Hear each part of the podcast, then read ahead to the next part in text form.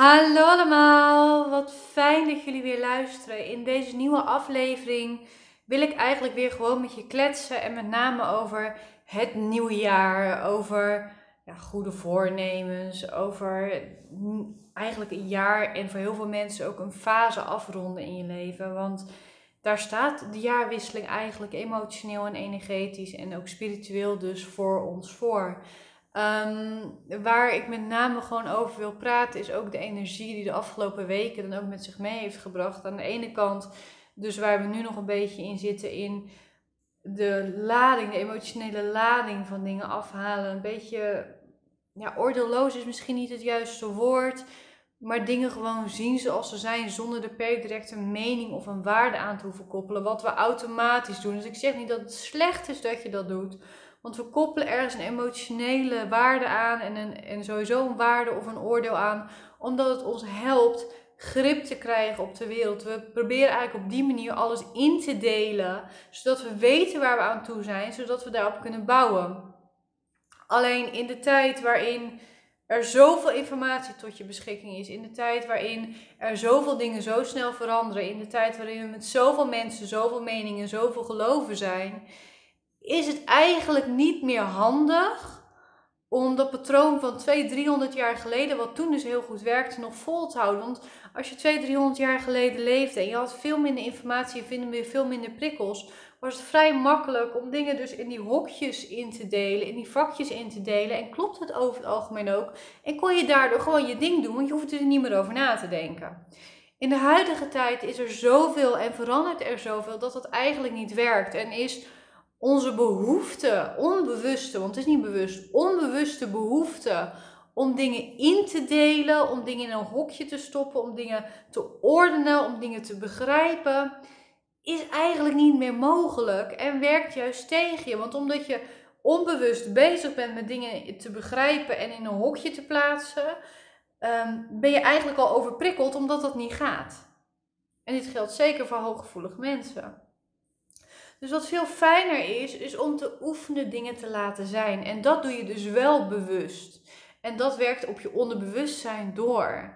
Dus als jij gaat oefenen om dingen gewoon te zien, om dat niet gelijk te hoeven begrijpen, om dat niet gelijk te hoeven plaatsen, om dat niet gelijk een, een, een, een label aan te hoeven plakken of een emotie bij te hoeven voelen, maar gewoon tegen jezelf te kunnen zeggen: dit is wat het is, ongeacht wat ik ervan vind, ongeacht hoe ik het zou willen hebben.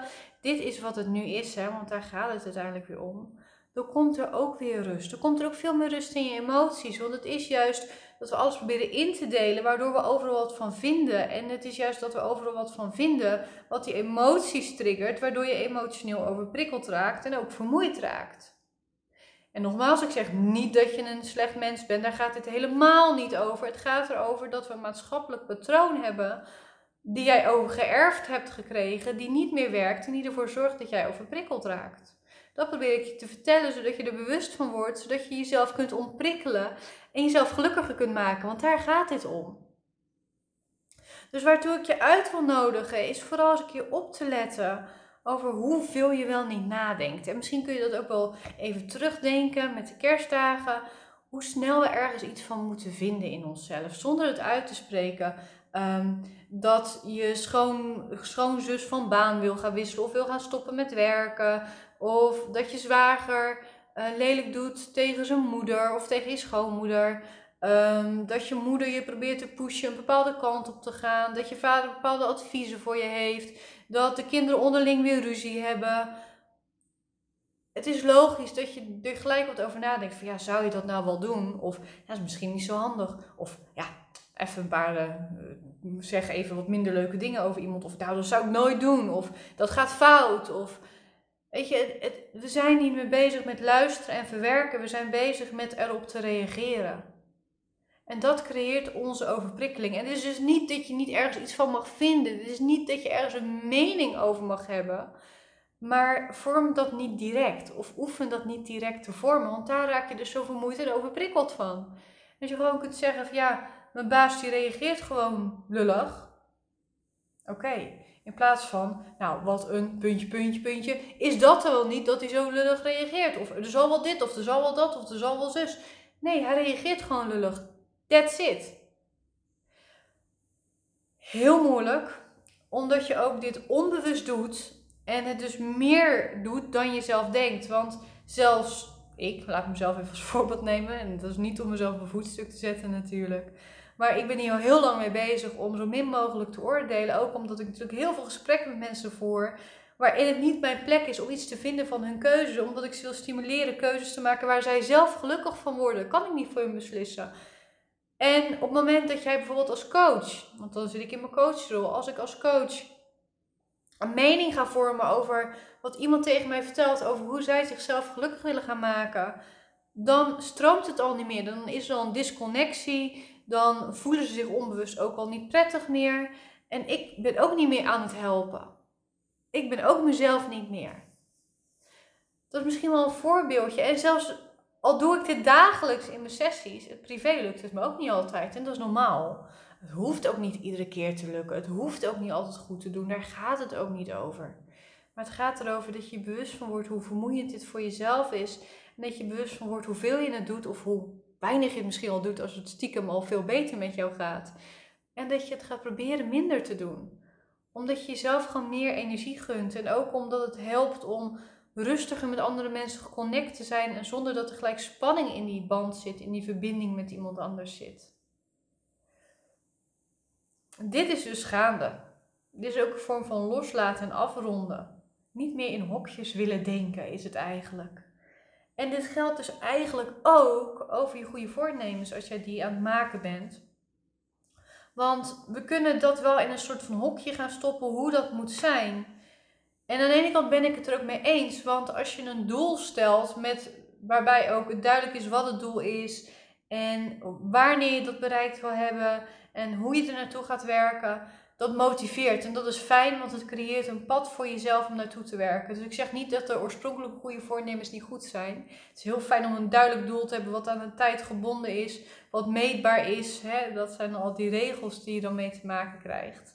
Ehm, maar het is ook goed om te kijken naar, oké, dit is dus wat ik ga doen, maar waarom wil ik dit doen? Wat is mijn, mijn reden hierachter?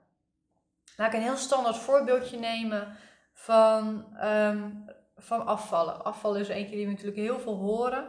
Ik wil afvallen. Ik wil gezonder leven. Laat ik hem zo noemen, want dat vind ik iets mooier. Ik wil gezonder leven. En natuurlijk is het goed om te kijken wat dat inhoudt. Dus gezonder eten, meer bewegen en halverwege het jaar misschien wel zoveel kilo kwijt zijn of zoveel meer energie hebben.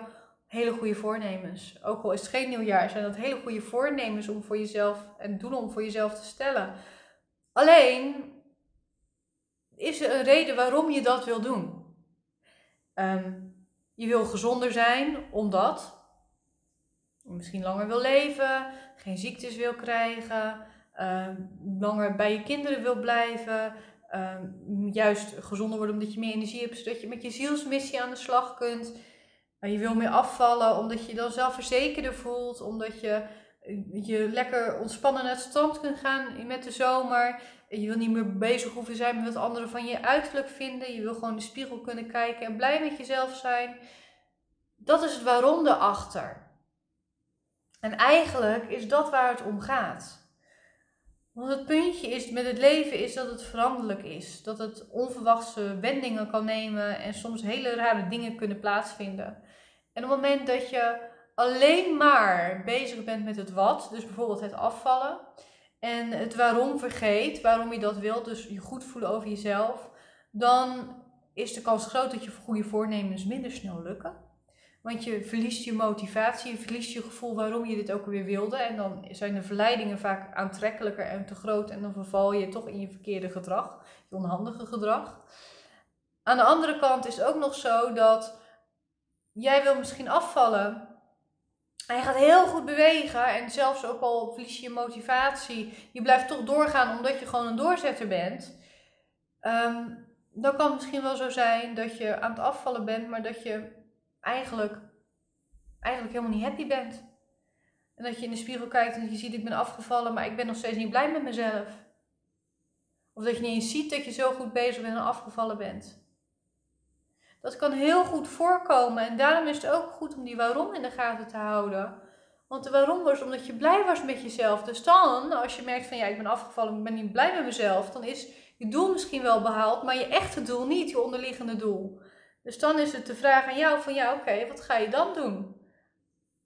En als je wist waarom je het deed, dat nog goed voor je voor ogen had en dat nog helder had, dan had je misschien eerder gezegd van ik ga toch misschien me laten coachen op mijn zelfvertrouwen of op mijn eigen waarde.